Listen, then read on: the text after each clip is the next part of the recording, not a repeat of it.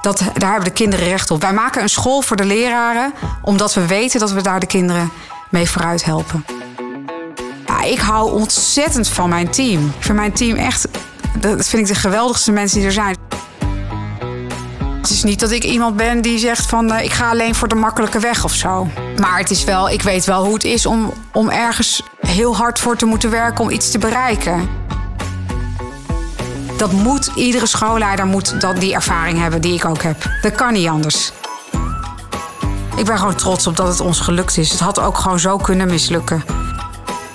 We hebben deze school ook totaal gestript op al, geen letter, zeg ik, komt hier te veel papier. Eigen, wijs en inspirerend. Een podcast over leidinggeven in het onderwijs. Onderwijs is van groot belang en het ligt vaak onder een vergrootglas. Wie geeft hier sturing aan? Welke dilemma's kom je tegen? Hoe kan je je hier het beste toe verhouden? Hoe krijg je het onderwijs en de organisaties in beweging? Wat drijft deze mensen? Vanuit welke gedachten handelen zij? In deze podcast komen leidinggevenden aan het woord die dat dagelijks met veel plezier en toewijding doen. Ditmaal in gesprek met Eva Nijkens, directeur van de Ellen Turing School. En zoals het in het onderwijs betaamt, starten we de kennismaking met het Vriendjes- en Vriendinnetjesboekje. Naam? Eva Nijkens. Geboortedatum? 12 12 1973. Woonplaats? Amersfoort. Broers, zussen? Twee broers, of een broertje en een broer. Eén uh, broer Klaas en een broertje Maarten. Uh, burgerlijke staat? Gehuwd. Kinderen? Drie zonen. Mijn collega's kennen mij als. Jongen, jongen. Uh, wild, nee. Uh, nou, ik denk wel als iemand die uh, weet, uh, haar vak verstaat. Als de wekker gaat, denk ik. Oh, hemel. Ik moet opstaan. De mooiste plek op de wereld waar ik geweest ben. Ha Long Bay, denk ik, in Vietnam. De beste uitvinding ooit. Jongen, jongen, zeg, de beste uitvinding ooit. Het woord kookwekker komt me in mijn hoofd op, maar dat slaat nergens op. Ik denk de beste uitvinding ooit is toch iets als een fiets. Ja. Jouw beste beslissing ooit? Om met Martin aan deze school te beginnen, denk ik. Ja, zeker weten. Gaan we op terugkomen. Mijn laatst gelezen boek. Oh jeetje, ik ben op dit moment heel veel boeken aan het lezen voor het boek wat wij. Want we zijn weer een boek aan het schrijven. Maar um, ik ben nu een boek aan het lezen over curriculumopbouw van Turner. Um, dat is een goed, een goed, boek. Wat is de titel precies? Wacht, als het, het ligt daar. Ik ga meteen even. Het is een Engels boekje, Simplicitus. En het is van Emma Turner. En het is bij John Cat wordt het uitgegeven. Die overigens aardige boekjes uh, uitgeven. Dus daar maak ik meteen even reclame voor. Ja. Ik geef het liefste geld uit aan. Kleding. Welke film kan je oneindig vaak kijken? Oh, nou, ik durf bijna niet te zeggen zonder dat ik hier mijn leven lang uh, over word achtervolgd. Maar ik heb toch wel een paar keer de Notebook gekeken. Vind ik een leuke film. Wat doe je als je niet met je werk bezig bent? S schrijven aan een boek. Dit ben ik samengevat in drie woorden. Passievol, pittig en grappig. Gaan we meemaken. De lat is gelegd. Uh, we zijn nu op de Ellen Turing School. Uh, je bent in dienst hier sinds? Uh, 2016, 17. En in de functie van? Schoolleider. Uh, komen we vast op terug het hier en nu. Ik wil je toch een beetje uh, vragen, als je ons meeneemt vanaf de middelbare school, je loopbaan. Oké, okay, uh, mijn loopbaan, nou die is niet helemaal rooskleurig geweest, maar zoals zoveel mensen denk ik. Um, ik ben in Zutphen opgegroeid en daar heb ik de HAVO gedaan. Nou, zoals heel veel mensen uit mijn generatie, als je niet bleef zitten in de vierde van de HAVO, hoor je er, er niet bij. Dus dat was bij mij ook het geval. En toen um, ben ik naar. Ik wist eigenlijk niet wat ik wilde worden. En wat ik voor studie wilde doen. Dus toen ben ik naar uh, Nijmegen gegaan om de opleiding voedingskunde en diëtetiek te doen. Eigenlijk was het enige afwegingskader dat mijn vakkenpakket, wat vrij beta was, perfect aansloot op die opleiding. Ik ben er verder totaal, ik heb me er totaal toen niet in verdiept. Maar, en ik strandde ook vrij snel, uh, ja, zou ik maar zo zeggen, in het uitgaansleven van Nijmegen. Dus uh, ik, ik, heb toen. Uh, ben heb een studie op pauze gezet. Ben een jaar naar Zwitserland gegaan als, om au pair te zijn in Genève. En ben toen, toen zei mijn vader, zijn twee smaken. Zijn A is achter de kassa. Of uh, je gaat uh, een lerarenopleiding doen. Nou, die, die ging ik doen. Um, mijn moeder was ook lerares. Nou, en uh, iedereen had wel, maakte, begon zich wel wat zorgen te maken over hoe het met mij verder moest. Ik zelf ook. Dus toen ging ik naar Groningen en ben ik daar de lerarenopleiding gaan doen. En toen ben ik leraar geworden. Toen ik daarmee klaar was, toen wist ik één ding zeker: ik wil geen leraar worden. Dus toen ben ik, het, uh, ben ik bij een, uh, ben ik als intercedente gaan werken bij een, een uitzendbureau. Op dat moment in Amersfoort, want daar ben ik toen gaan wonen na mijn studie in Groningen. Overigens heb ik wel in mijn laatste fase van mijn studie in ehm, Den Haag in de Schilderswijk stage en afstudeertraject nog gedaan. Dus ik had wel zoiets van: nou, als ik dan iets wil, dan wil ik in ieder geval een pittige opdracht doen. Maar toen was ik dus, nou, toen, toen besloot ik dus, ik wil geen leraar worden. Toen werd ik intercedent en dat vond ik zo'n. Ik wil niemand uh, schofferen die dat wel doet. Maar ik vond dat uh, toch niet zo heel erg veel betekenisvol. En niet zo erg betekenisvol. Dus toen besloot ik toch voor de klas te gaan. En toen ben ik eigenlijk een soort ontwikkelingspad opgegaan. Toch wel vanuit scholen die wat complexere populatie hadden. Want ik heb nog nooit op een school gewerkt die dat niet heeft. Dus eigenlijk altijd scholen die pittige populatie hadden. Eerst in Amersfoort in het Soesterkwartier. En later ben ik directeur geworden van SBO-school, Michael School. Die net zwak was beoordeeld in Kruiskamp in Amersfoort. Daar ben ik negen jaar uh, directeur geweest. Dus, uh, drie keer excellente school uh, toen geworden. Van zwak naar excellent. Nou, toen kregen we best wel wat aandacht voor. Nou, toen was het heugelijke dag dat Martin als jurylid van de excellente school... Martin Bootsma, mijn partner in crime in de school... en ook in, um, met het schrijven van boeken over onderwijs. Toen um, werd, was hij jury, ontmoetten we elkaar. En toen maakten, smeden we eigenlijk plannen later om uh, school op te richten. Meegedaan aan de schoolleidersopwedstrijd. Ehm, uh, ik heb trouwens in de tussentijd ook de IB of opleiding uh, Master Sen gedaan en schoolleidersopleiding. Ja, meerdere opleidingen gevolgd in de tussentijd. Kinderen gekregen, ook drie. En uh, toen begonnen Martin en ik uh, hier aan. En die, wij wonnen toen de prijs voor uh, vernieuwend schoolconcept. Want hij vroeg je vanuit Amersfoort... zullen we leuke dingen gaan doen in Amsterdam? Nou, zo ging het niet helemaal. Martin had samen met drie mensen, mannen die hij kende... of in ieder geval één van die mannen kende die goed, Erik van Brugge... gingen zij meedoen aan die schoolwedstrijd die in Amsterdam was. En zij waren eigenlijk al met elkaar daarmee bezig. En toen zeiden ze wel van ja, zij hadden eigenlijk wel allerlei hele wijze mensen, maar ze misten wel iemand die het ook kon uitvoeren. Eh, als zijnde schoolleider, want Martin was toen nog vooral leraar. Ook leraar van het jaar geweest en gewoon weet, gewoon heel veel van curriculumontwerp. Uh, dus en toen zei Martin, ja, ik ben toen tijdens de jury Excellente School een hele goede schoolleider tegengekomen. We zouden haar erbij kunnen vragen. Nou, zo is het eigenlijk een beetje gegaan. En toen zijn we nou, we wilden eigenlijk een hele nieuwe school oprichten, helemaal van nul af aan.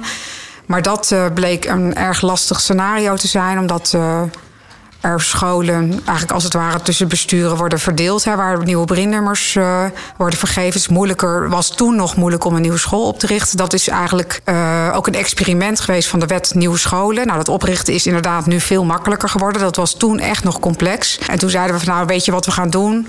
We starten gewoon dan een school. Of we werden door een bestuur uitgenodigd om een school door te starten. Waar het op dat moment gewoon echt niet zo goed mee ging. Uh, een school in zwaar weer. Uh, waar BMC eh, als organisatie natuurlijk uh, dan wat vaker mee in aanraking komt. En dat was ook wel mijn tweede keer. Want ik had natuurlijk al wel een, zwakke school. op een zwakke, zwakke school gewerkt op dat moment. Dus ik, maar ik had er toen niet zoveel zin in, eerlijk gezegd, om dat weer te doen. Dus ehm, maar omdat we allebei onze banen of hadden opgezegd, ik in ieder geval in Amersfoort, dacht ik van nou weet je wat, we gaan het gewoon toch doen. We gaan deze school, we gaan dat concept waar we die prijs mee hebben gewonnen, gaan we dat concept gaan we implementeren in deze bestaande school in het hartje van Amsterdam. En zo is het allemaal begonnen. En wat was dat concept dan? Nou, het is een, een schoolconcept. Uh, we hebben dan een vernieuwend uh, concept, maar eigenlijk vinden wij het niet zo vernieuwend. Maar als ik er nu terug op terugkijk, denk ik misschien op bepaalde fronten wel. Het is een schoolconcept waarbij we eigenlijk zeggen dat staat op twee benen. Van de ene kant hebben we hele duidelijke focus op de inhoud. Hè, dus we hebben daar hele duidelijke richting en keuzes in gemaakt. Maar van de andere kant uh, is het andere been van het concept is hoe organiseer je het? Dus we hebben naast dat we een heel mooi concept hebben gemaakt voor leerlingen en ouders, hebben we ook een heel mooi uh, plan bedacht. Waarbij we zeggen: oké, en dat maakt het ook heel werkbaar voor het team. Want kwaliteitszorg was wel al iets wat me vanuit mijn vorige werk ontzettend uh, interesseerde. Dus uh, het organisatieaspect van de school. Hè, dus niet alleen de inhoud. Uh, wat er gebeurt in de leslokalen, maar ook hoe organiseer je dat? Dat mensen ook echt daadwerkelijk voldoende tijd en energie hebben om dat uit te voeren. Ja, dat is wat iets wat mij ongelooflijk uh, fascineert. En ook wat uh, Martin, uh, waar, waar Martin en ik het heel vaak over gehad hebben. Er worden in het onderwijs zoveel prachtige ideeën. Um, ja, verzonnen. Hè? En, maar die zijn eigenlijk op voorhand, dan hoor je het verhaal en denk je, ja, maar hoe ga je dat organiseren? Nou, dat is waar wij heel goed over nagedacht hebben. Dus het, het concept is die twee benen bij elkaar. ja, maakt heel mooi onderwijs. En dat zijn jullie gestart hier in 2016? Ja zeven jaar onderweg. Ja. En als ik nu naar de school kijk, wat zie ik dan? Uh, nou, ten eerste uh, een school die gegroeid is in leerlingaantal. We begonnen met 130 leerlingen, we hebben nu 240 en we groeien nog door. Een heel gelukkig team. We hebben al een paar keer uh, doen we mee aan de klassenwerkplek voor de prettige werkplek voor leraren en daar scoren we heel hoog in, in de top. Uh, school die het goed doet, steeds beter doet in resultaten. We hebben natuurlijk wel ook een echt hard moeten werken om dat op orde te krijgen. Maar dat ziet er zeker uh, heel goed uit. We begonnen, moesten van ver komen.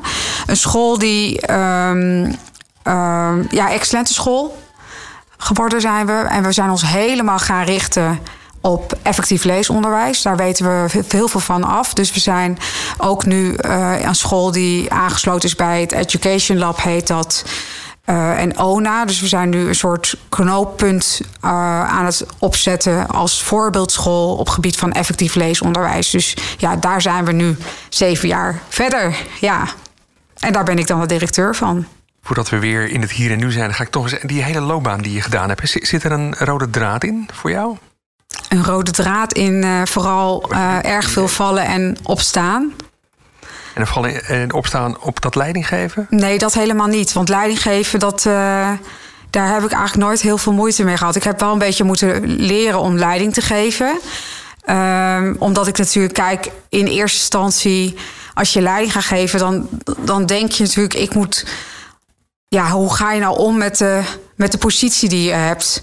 He, dus je moet daar eigenlijk je menselijke, de menselijke maat in vinden. Kijk, want als je één knop bij mij indrukt, dan kan ik ik kan heel makkelijk heel veel gas geven of heel erg makkelijk over mensen heen praten. Of uh, ik ben, kan verbaal heel sterk zijn.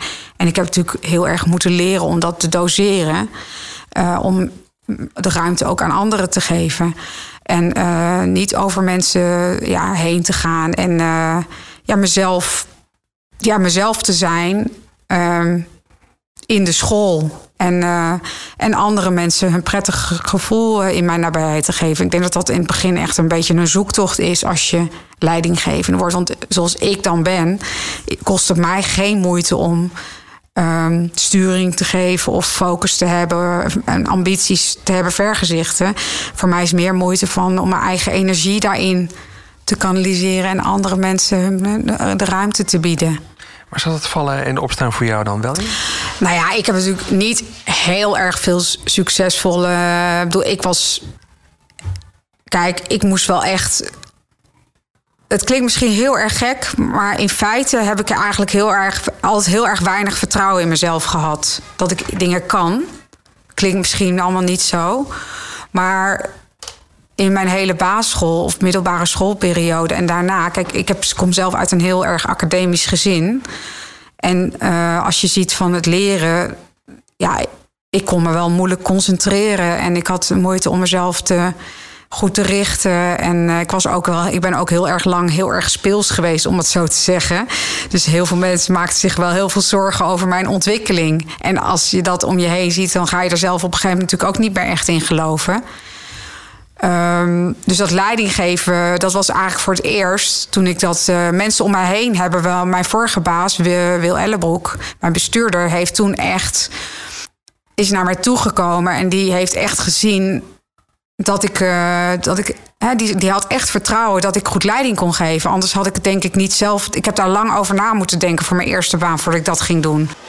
Omdat ik eigenlijk wel bepaalde ik dacht, ik kan bepaalde dingen misschien wel heel goed, maar ik was daar ook wel heel onzeker in. En, uh, en ook als vrouw, hoe manage je dat dan met je gezin? Ik had wel heel veel vragen daarover met mezelf, in mezelf. En als mensen niet zoveel vertrouwen in mij hadden gehad, van joh, jij kan dat, dan had ik misschien uh, in het verleden die stap uh, wel niet gezet. Nou ja, en dat gebeurde eigenlijk hetzelfde weer toen ik Martin en Abel en Erik ontmoette. Doordat Martin en, en Abel vooral ook, die ondernemer ook is hier in Amsterdam uh, ja, het gevoel gaven aan je van uh, ja, je, je, je hebt echt wel hele bijzondere, goede eh, leidinggevende kwaliteiten. En je ook mee te nemen in zo'n project en je ook weer te introduceren hè, in een andere wereld. Want laten we eerlijk zijn.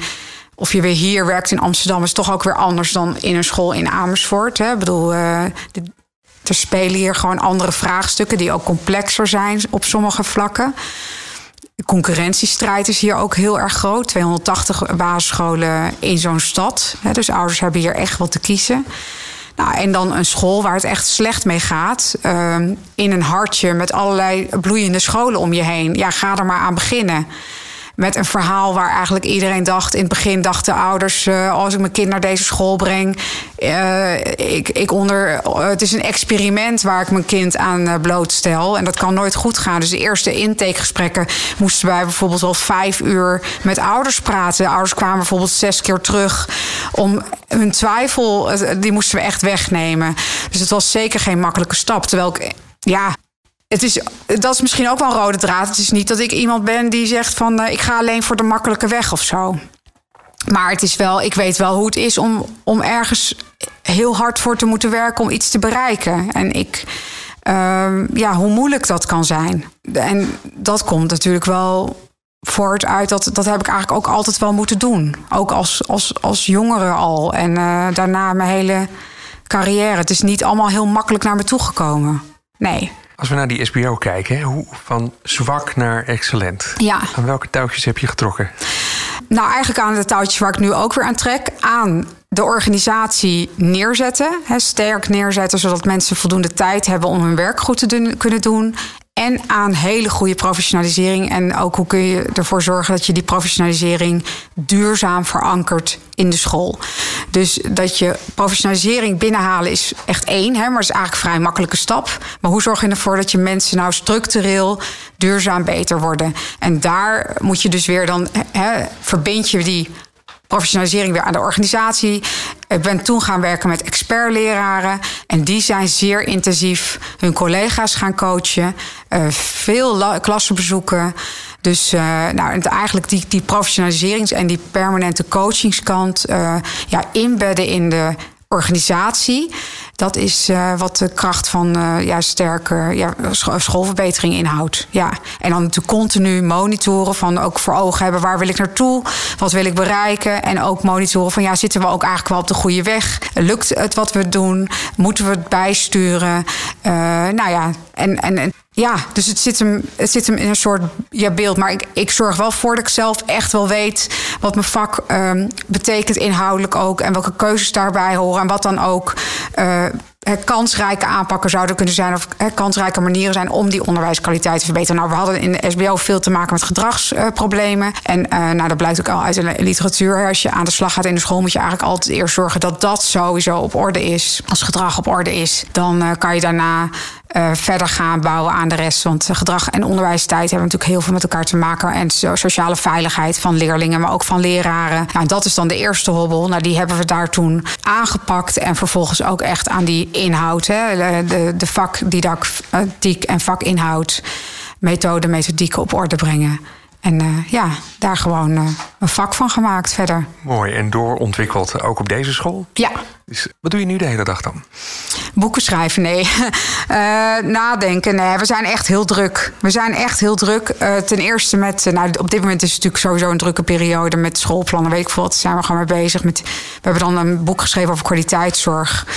Uh, wat als we weer gewoon gingen lesgeven? Daar staan ook ambitiekaarten en kwaliteitskaarten in. Nou, daar zijn we nu eigenlijk aan het herijken. Mooi schoolplan aan het maken. Uh, nou, Martin en ik hebben het ook veel over uh, onderwijs. we praten veel. Martin doet echt wel veel. probeert veel in de klas te zijn. Met mensen te praten, mensen te helpen. We hebben afgelopen week lessenstudie gehad. Dus zijn we aan het zoeken van nou, wat gebeurt er?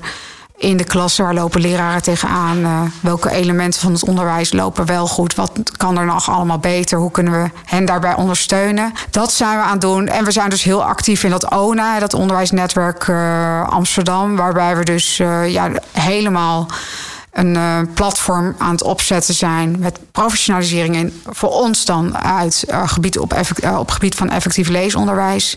Dus we, zijn, we hebben al een aantal cursussen gemaakt, Martin en ik, met een paar collega's samen. Maar we proberen dat ook uit te breiden. Een aantal, we willen zes scholen aan de hand gaan nemen. En de schoolleider met een aantal sleutelfiguren in de school opleiden. En dan echt gericht op effectief leesonderwijs. Dus een professionaliseringsprogramma daarvoor opzetten. Ja, en dan hopen dat we de kennis kunnen verspreiden over leesonderwijs, vakinhoud, vakdidactiek. En ook hoe kun je mensen professionaliseren permanent en coachen. Zodat ze ja, geen ontwikkelingswerkers zijn. Wij willen we zijn. We willen mensen leren hetzelfde doen. Maar we willen mensen ook empoweren. Van joh, beste mensen in het onderwijs. Hartstikke leuk dat er zoveel mensen aan de zijlijn staan. Maar wij doen er echt toe. We hebben geen bullshitbaan. En wij willen gewoon mensen empoweren van joh, ga maak weer wat van je vak. Hè. Ga niet met een methode kijken. Niet dat we helemaal tegen methodes zijn, maar maak zelf onderwijs. Hou zelf zicht op de vakinhoud, op de didactiek. En neem de regie en wees trots op je vak. En maak gewoon het mooiste onderwijs wat je kinderen, ja, waar ze recht op hebben. Zo kijken wij er tegenaan. En ja, daar zet ik me heel graag voor in. Dus op allerlei niveaus hoor. Ook uh, landelijk doen we dingen. We doen eigenlijk wel veel dingen. En daarnaast hebben we één dag voor ons week, per week werken we voor onszelf. En dan geven we echt trainingen, coaching op gebied van leesonderwijs ook en kwaliteitszorg. Want ergens is er, is er een moment geweest dat je dacht, we gaan dit op schrift zetten. Wat is de, roeping daarachter? Nou, die is er eigenlijk uh, niet. nee, nou kijk, op een gegeven moment... Uh, ja, op een gegeven moment komen er mensen dus je school in. En uh, we hadden op een gegeven moment de delegatie van de inspectie... Arnold Jonk en Kees Lintermans met wat andere inspecteurs kwamen langs. En die, nou ja, mensen zaten natuurlijk al wel jaren... Ik had al die kwaliteitsaanpak al min of meer bedacht in de Michaelschool. Ik had toen al... Want eigenlijk ben ik een chaotisch persoon. Um, en ik, ik probeerde al wat meer sturing eh, aan mijn werk te geven door die structuur, zullen we maar zeggen, goed uh, op orde te brengen. En daar heb ik toen die aanpak uh, voor bedacht. En die inspecteurs waren er al wel razend enthousiast uh, over. En toen zei eentje, een hele leuke vent, Kees Lintermans... als je ooit iemand leuk wil uitnodigen, dan moet je hem zeker uitnodigen. Hij werkt bij de inspectie weer, maar het is gewoon een hele leuke persoon. En hij zei, je moet er een uitgever over bellen. Want het zit zo goed in elkaar. Nou, toen gingen wij dat boek schrijven. Maar dat was natuurlijk totaal iets wat je... Je kan niet de impact... Hoe heftig het is om een boek te schrijven. Nou, je hebt geen idee. Dus je begint zo aan zoiets... Eigenlijk ja, puur enthousiast of enthousiast. Je denkt, nou, dat de, de die, die, die uitgever zal het wel weten en die zal ons wel helpen. Maar dat je dan natuurlijk een jaar lang geen, uh, geen sociale interactie met niemand hebt, behalve met je boek en je, en je collega's. En uh, nog, nog op zijn hoogst je eigen gezin. Dat, dat overzie je dan op dat moment niet. Maar dat boek, dat sloeg als een, als een bom in. Uh, dat hadden we ook eh, niet uh, bedacht. Daar waren we natuurlijk ook helemaal naast die school niet. Dit is een totaal wild avontuur geweest. En dat sloeg als een bom in. En die, het was binnen een paar weken was de eerste druk uitverkocht. We gaan nu ook naar de zevende druk al toe. En dat ja, dat, dat, dus we werden gewoon gevraagd en weet ik veel wat voor lezingen. Maar dat, we wilden toch echt niet uit die school. Dus uh, wat ons opviel toen heel veel mensen waren enthousiast over het boek, maar gingen als een gek allemaal kwaliteitsdocumenten maken. En eigenlijk was dat niet helemaal de boodschap van ons boek. Ons boek was natuurlijk: maak de organisatie richt die in zodat het voor de leraren er fijn is om te werken. Dus wij dachten, oké, nu gaat wel heel erg die nadruk liggen op die, die structuur. En toen zeiden we van, nou, nu moeten we eigenlijk nog een boek schrijven. Want uh, we moeten een boek schrijven over de leercultuur. Want die, hoor, die gaan hand in hand. Het is natuurlijk niet alleen maar papiertjes maken. Nee, eigenlijk gebeurt er nu waar we eigenlijk tegen zijn. Want ik ben mijn hele leven al tegen overhead te veel geweest in de school. En tegen te veel administratie. We hebben deze school ook totaal gestript op al, geen letter, zeg ik, komt hier te veel papier. Geen groepsplannen, geen overzichten. We hebben dat taakbeleid document eruit gegooid. We hebben gewoon alles, we hebben het helemaal geminimaliseerd. We zeiden ook een kind in nature is geen uh, probleemkind waar we eindeloze plannen voor hoeven maken of, of allerlei trajecten voor hoeven in te richten. Laten we gewoon super goed lesgeven en laten we dan eens kijken wat er gebeurt. Ja, ik wist gewoon aan mijn vorige werk, als je gewoon die leraar empowert en veel beter maakt, dan, joh, dan kun je wel duizend uh, groepsplannen maken, maar die kunnen daar niet tegen op. Dus wat moet je doen? Die leraar moet je continu alle aandacht oprichten en super goed maken. Maar ja, dat boek dat werd natuurlijk een hit.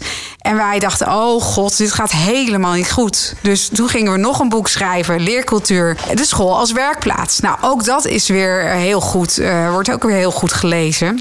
We zijn nu weer genomineerd voor beste onderwijsboek van uh, 2000. Hè, wanneer was het ook weer? 2021, 2022, 2022. Want we zijn alweer een boek aan het schrijven. Maar uh, op een gegeven moment denk je van... Ja, op een gegeven moment raak je verslaafd aan schrijven ja, wat sommige mensen hebben met podcast. Kijk, het is een hele. Uh, het is heel heftig om te schrijven. Je wordt er heel veel slimmer van in je vak.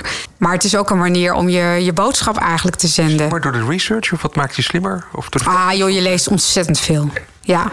Je doet zoveel onderzoek, je bezoekt scholen. Je, ja, wij koppelen altijd wetenschap aan de praktijk. We, we schrijven over onze eigen praktijk. We, we zien meteen waar onze eigen praktijk nog beter zou kunnen.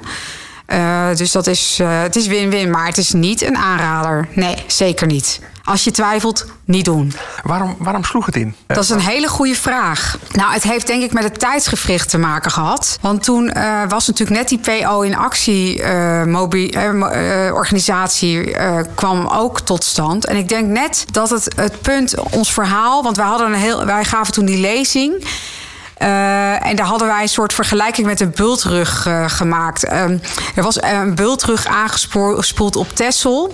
Kijk, ieder boek begint, elke hoofdstuk begint bij ons altijd mooi met een verhaaltje. Dat, dat schrijft Martin vaak, die verhaaltjes. Je kan prachtige verhaaltjes schrijven. Maar er was een bultrug aangespoeld op te Tessel. En het feit, en dat gebeurt natuurlijk niet zo vaak. Maar dat had wel geleid tot het maken van een protocol van ongeveer 23 pagina's. Met stroomschema's waar je u tegen zei. En eerlijk gezegd hadden wij het gevoel, in het onderwijs zijn we daar ook op beland. Met passend met uh, groepsplannen en overzichten. Met de IB, met de zorg, met al die, uh, nu, die samenwerkingsverbanden. Nou, ik had ook het gevoel ik ben in stroomschema's beland. En uiteindelijk sta je als school met lege handen. Want jij hebt dat kind, die heeft zorg nodig. Maar eigenlijk moet je eerst 30 stroomschema's doorkomen voordat je überhaupt zorg krijgt. Nou, de meeste teams die zien het dan al niet meer zitten. Dus ik denk dat het, het feit dat wij daar uit de praktijk eigenlijk zeiden van joh, we, we trapten zo heftig op de rem. Van joh, dit, dit, dit kan gewoon zo niet langer. Onze stoppen sloegen gewoon door. En we dachten ook, we accepteren dit niet. Niet, niet iedereen aan de zijlijn kan ons vertellen wat wij moeten doen. En allerlei dingen inrichten, zodat zij hun werk er werkbaar door wordt. Maar ondertussen moeten wij het allemaal uitvoeren. En ik was er gewoon helemaal klaar mee. En daarbij was ik ervan overtuigd dat die beweging super slecht was voor de kwaliteit van het onderwijs. Hoewel allemaal bedoeld voor betere kwaliteit, zag je dat het vakmanschap weg-appte uit de school. Je zag ook goede leraren, die, die liepen massaal weg. Die dachten, nou, ik ga bij een adviesbureau werken of bij iets anders. Ik, het laatste wat je moet doen is uh, in de school werken. Nou, en wij hadden er gewoon genoeg van. Dus ik, ik had er genoeg van dat ik puntjes moest scoren, bij wijze van spreken, in, in allerlei systemen. Uh, om hulp of geld of weet ik wat te krijgen. Eindeloze documenten. Ik was er helemaal klaar mee. Ik dacht, ik, moet, ik wil mijn werk doen. Geef ons de middelen. Geef ons de ruimte om het zelf te doen. En wij gaan jullie laten zien. Dan krijg je beter dan wat je ooit hebt gehad. Nou ja, en dat is een beetje de droom die wij uh, hebben. En uh, nou, dat, ik denk dat heel veel mensen zich in die boodschap herkenden. Wat is dus uiteindelijk jouw visie op leiderschap? Dat vind ik een heel ingewikkeld verhaal. Want ik, ik denk, een visie, een leider moet echt een helder beeld voor ogen hebben waar je naartoe gaat. En ook bereid zijn om die boodschap, uh, die moet je veelvuldig herhalen. En uh, je moet bereid zijn om uh, er alles aan te doen om daar te komen met je team.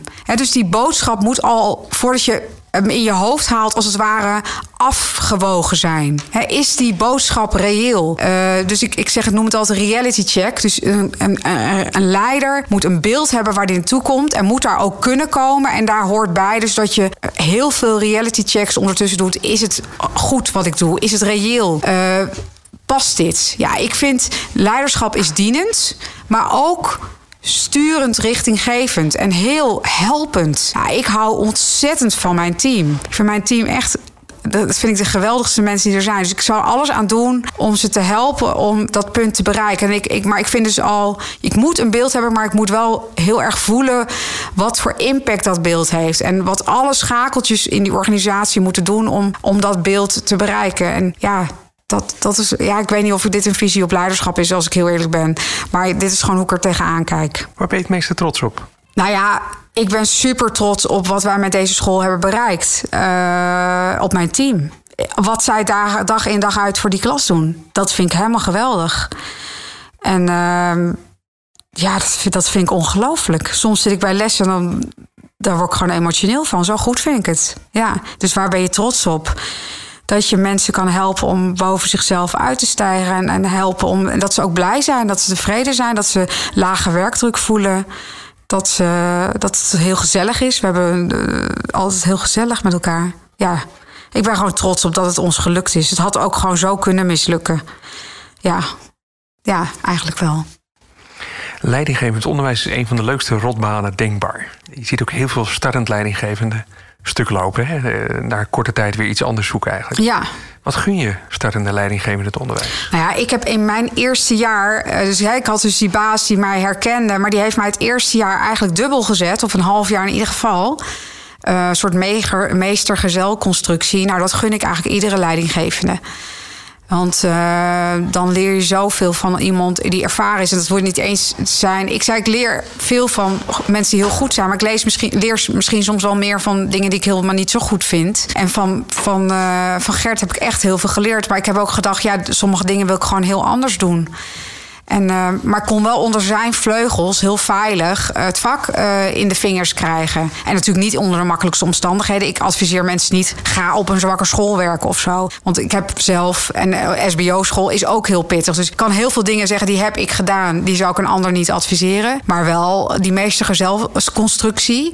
Dat passen wij nu overigens ook heel sterk toe met startende leraar zij in stromers. Hebben daar hele intensieve trainingsprogramma's voor opgezet. Wetende dat je in het begin gewoon makkelijk maar dat is bij schoolhuis net zo. En eigenlijk is het heel raar. Je hebt vaak helemaal niet een vergelijking met iemand om je heen die het heel goed kan. Als leraar kan je nog in een fijne setting het vak leren. Als schoolleider, nou, sta je er vaak wel heel erg alleen voor. En uh, ja, dat zou echt anders moeten.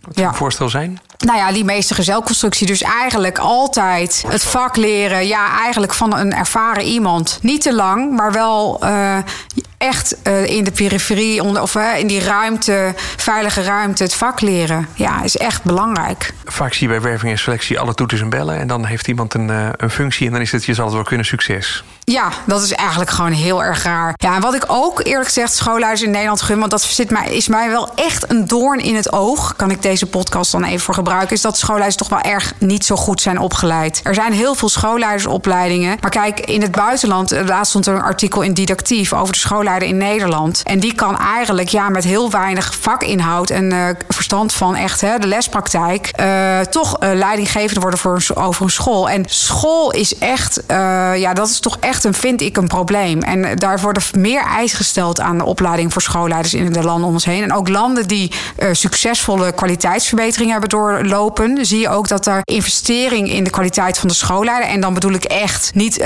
wie ben jij en welke ideologie hang je aan. Nee, hoe voer je een goede leesaanpak in? Waar vind je wat een goede leesaanpak is? Hoe hè, gewoon evidence-informed implementeren in de school. Ja, dat vind ik wel tot de basistoolkit van iedere schoolleider behoren. En dat is helaas uh, niet zo. Nee. Wat met de binnenschiet hier in Amsterdam hebben we natuurlijk even een dingetje gehad een paar weken geleden. De bestuurders die zeiden, beste ouders, ga vast wennen. Uh, meerdere leerkrachten, alles, alles fluïde. En de andere kant werd gezegd, de leraar doet het toe. Hoe staan jullie erin dan?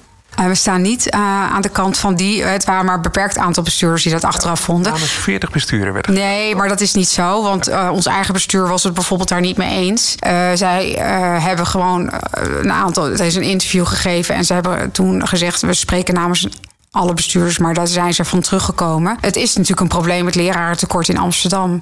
Maar ik, ik heb ook uh, met mijn eigen bestuurder over gehad. En ik weet dat hij het hier helemaal mee eens is, uh, Willem. Uh, die zegt ook van ja, we moeten nooit toegeven aan het tekort. Hè. De tekorten zijn ernstig. En zeker op bepaalde plekken en bepaalde wijken is het nog veel complexer. Ehm, maar je, en natuurlijk moet je dan ook het op een bepaalde manier organiseren. Dat in ieder geval het onder, hè, de onderwijs, minimale onderwijskwaliteit geboden kan worden. Wat dat dan ook maar is. Hè. Laten we eerlijk zijn, in Nederland is daar wel erg weinig uh, over wat dan precies onderwijskwaliteit is. Maar. Um, laten we uh, elkaar niet voor de gek houden. Het onderwijs wordt er echt niet beter van als we het anders gaan organiseren. Nee. Uh, we hadden het net over waar ben je trots. Waar loop je op leeg in je werk? Ik loop leeg op ja, doelgroepgenoten, zullen we zeggen, ook schoolleiders die echt hun vak niet verstaan. Dat vind ik echt vervelend. Ik vind het echt uh, niet zo professioneel als jij schoolleider bent en gewoon je vakkennis uh, niet op orde hebt. Vind ik een beetje ingewikkeld. Ja. Dat mag meer talen geven, het is een grote allergie. Nou ja, nee, ik vind dat vind ik lastig, want je hebt een grote verantwoordelijkheid. Hè? Je geeft uh, leiding aan een school met allemaal. Van de week was weer het onderzoek van de inspectie. Er wordt niet goed genoeg les gegeven in de klas. Ik denk de leraren krijgen wel heel erg veel te verduren in het onderwijs. Het is eigenlijk altijd de leraar in de klassen, de lessen, die niet goed worden gegeven. Maar ik denk, wie zijn dan die schoolleiders? die leiding geven aan die scholen, waardoor die leraren dan die lessen niet goed geven. En waarom wordt dan niet eens een keer daar het vergrootglas opgezet? Want laten we even eerlijk zijn, onder mijn verantwoordelijkheid vind ik dat het niet mag gebeuren. En dat stoort me dat in zo'n onderzoek daar de leraar elke keer uh, de, de vervelende boodschap op zich afgevuurd krijgt. En ik vind het ook niet terecht. Ik vind een schoolleider is verantwoordelijk voor de kwaliteit in het leslokaal. Natuurlijk is niet iedere leraar even goed, maar jij bewaakt de ondergrens. Jij zorgt ervoor dat de kwaliteit van de lessen op orde is. En er is voldoende kennis. Je kan zelfs allerlei gratis boekjes downloaden waarin staat wat, hoe goede vakdidactiek eruit ziet. Ga ermee aan de slag. Al je momenten met je team moet je goede momenten maken, leerzame momenten. Hey, en die allergie, over hoeveel procent eh, van de schoolleiders denk je dat je het hebt? Ik heb geen idee. Maar volgens mij was de inspectie duidelijk dat er in heel veel klassen niet goed wordt lesgegeven. Dus iedere school waar het dan over gaat, mag zich dit aantrekken. Iedere schoolleider. En dus iedere schoolleider eigenlijk ook heel veel bestuurders. Uiteindelijk vind ik dat inderdaad bestuurders en schoolleiders... want laten we eerlijk zijn, het, is het, uh, het, toezicht is nu zo georganiseerd... dat de bestuurder primair verantwoordelijk is voor de kwaliteit van het onderwijs. En, uh, maar de, ja, uh, die mensen zijn daar verantwoordelijk voor. Die moeten daarmee aan de slag en die moeten hun leraren helpen om succesvol les te kunnen geven in de werkpraktijk. En nu is iets te vaak, vind ik al te veel uh, dus het afgeschoven op de leraar. Daar heb ik wel een beetje last van. Ja. Was me niet opgevallen. Nee. Wat heb je hopeloos onderschat? Oh, hopeloos onderschat. Uh, nou, ik onderschat eigenlijk nooit iets. En dat is misschien wel meteen een ander probleem. Maar ik denk altijd heel erg vooruit wat de effecten van dingen kunnen zijn. Dus ik zou wel. Wat ik, ik heb toen heel erg veel last gehad van die coronatijd. Omdat ik toen natuurlijk niet zoveel grip had. Dus ik heb dat niet onderschat, maar ik kan er wel ziek van zijn als ik niet goede inschattingen kan maken en ik gevoel, gevoel heb dat ik word geleefd van de, door de waan van de dag. Maar uh, nee, iets hopeloos onderschatten doe ik niet. Nee, nooit. Zoom nog eens in op die periode. Wat, wat maakte het ongemakkelijk of waar zat de last? Ah, ik had er echt heel veel last van. Ik, ik ben natuurlijk iemand die heel graag.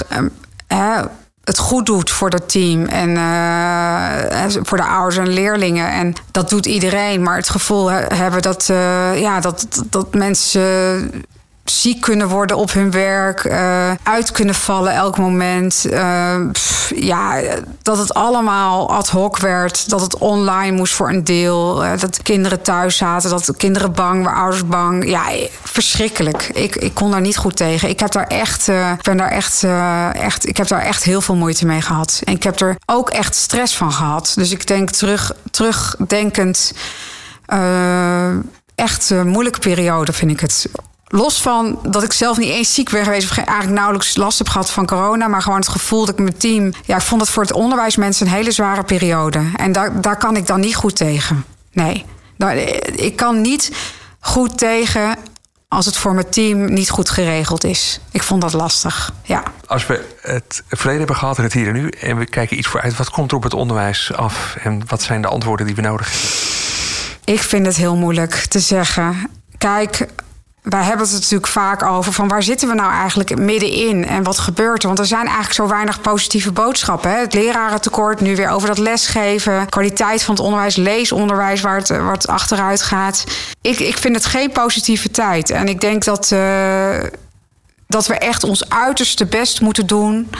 Hè? Want je moet je ook realiseren, ik heb, er zijn natuurlijk enorme tekorten uh, van leraren, mensen die niet meer het vak in willen. Maar ik denk ook wel eens van, goh, zou dat ook? Hè? En ik vind dat het, dat jammer dat daar niet meer naar wordt gekeken van de wijze waarop de scholen worden geleid. Hè? Of dat echt organisaties zijn waar je graag wil werken. Uh, ik vind dat laaghangend fruit waar nog weinig mee wordt gedaan. Ik heb toevallig een paar weken geleden een mooi uh, verhaaltje in de SER mogen vertellen. Vond ik echt heel eervol. en ook in hun rapport komt onze school naar voren als een school waar de werk werkdruk laag is en ook uh, ja, leraartekort. Hè? Ook uh, min, ja, meer grip op het leraartekort, zou ik het zo zeggen. Ik, ik, ik wil mezelf echt niet. Um, ik snap, ik weet hoe groot het probleem is. Ik, heb, ik heb verschrikkelijk te doen met scholen die erg met leraartekort hebben. Maar generiek, hè, als ik kijk naar hoe besturen hiermee om zouden kunnen gaan, denk ik: kom, maak van die scholen nou professionele leergemeenschappen. Maak van die scholen aantrekkelijke plekken. Zorg voor erkende ongelijkheid. Dat er binnen die scholen functies zijn. Zorg dat leraren die er werken, die meer weten, die kennis kunnen gaan delen binnen die netwerken. Uh, het kan toch niet alleen maar zo zijn dat ik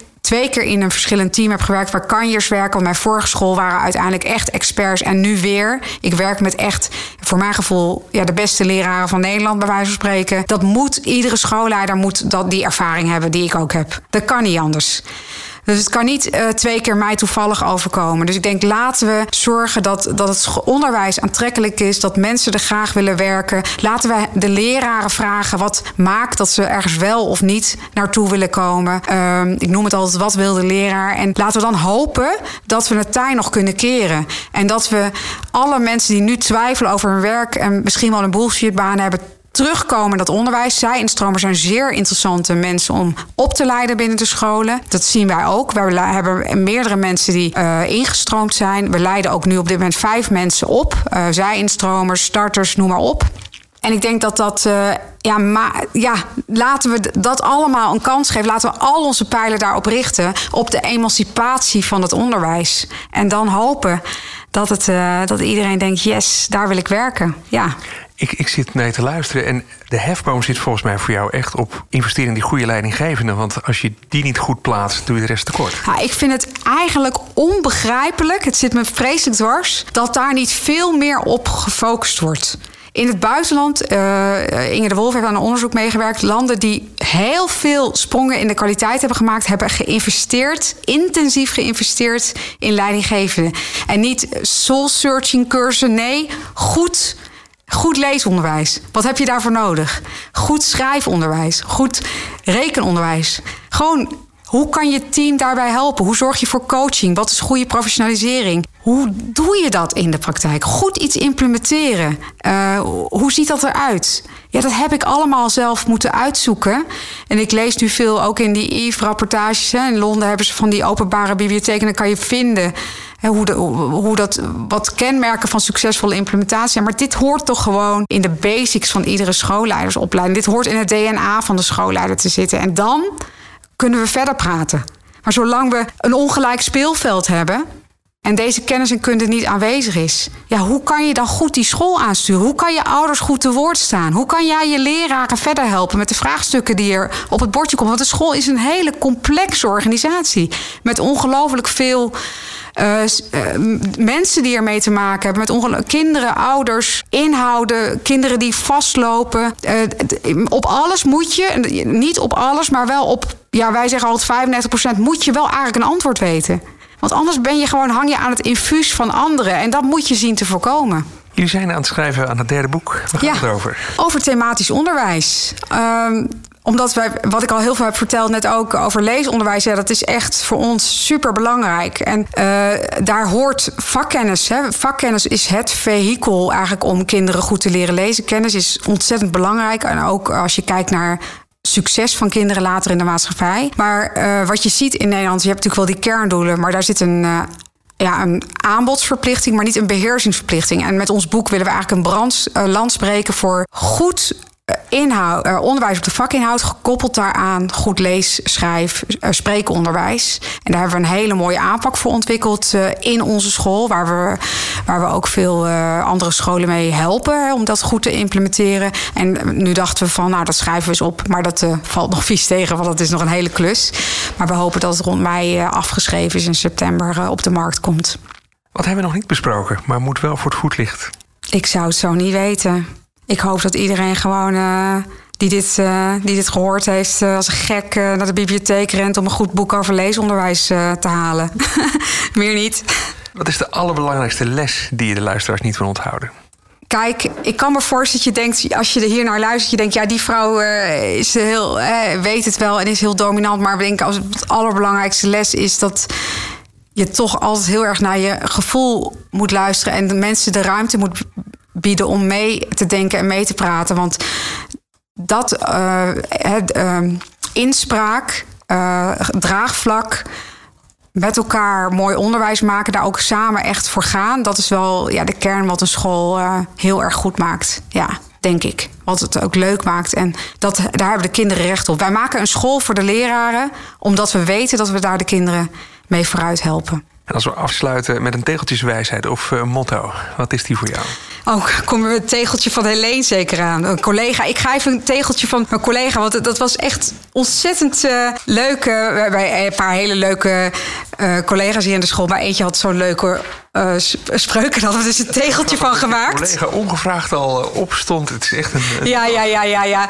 Hier, ze zeggen dat je je moet aanpassen aan de belevingswereld van kinderen. En dat doen wij niet. Wij creëren een nieuwe belevingswereld voor hen. Daar is onderwijs voor. Nou, en dan wil ik wel even de credits aan mijn collega Helene Beurs geven... die leesexpert is en leraar. En uh, ja, nee, maar wij zijn er, wij zijn er niet om zozeer. We gaan ook wel een beetje zo erin. Hè? Want je ziet natuurlijk heel veel scholen die zeggen van ja, oh, het moet leuk zijn. Uh, het moet aansluiten bij wat kinderen willen. En wij zeggen eigenlijk nee. Wij kiezen onderwerpen die de kinderen niet kennen en wij nemen ze mee op reis. Omdat we dan weten dat hun rugzak zo ontzettend veel voller uh, is als ze thuiskomen dan doen ze wanneer ze vertrokken. En daar is de school voor. Al die andere dingen doen ze maar thuis. Aan het woord was uh, Eva Nijkens, dankjewel. Graag gedaan. Welke inspirerende leidinggevende wil jij wel eens aan het woord horen? Laat het me gerust weten via frank.schildkamp.bmc.nl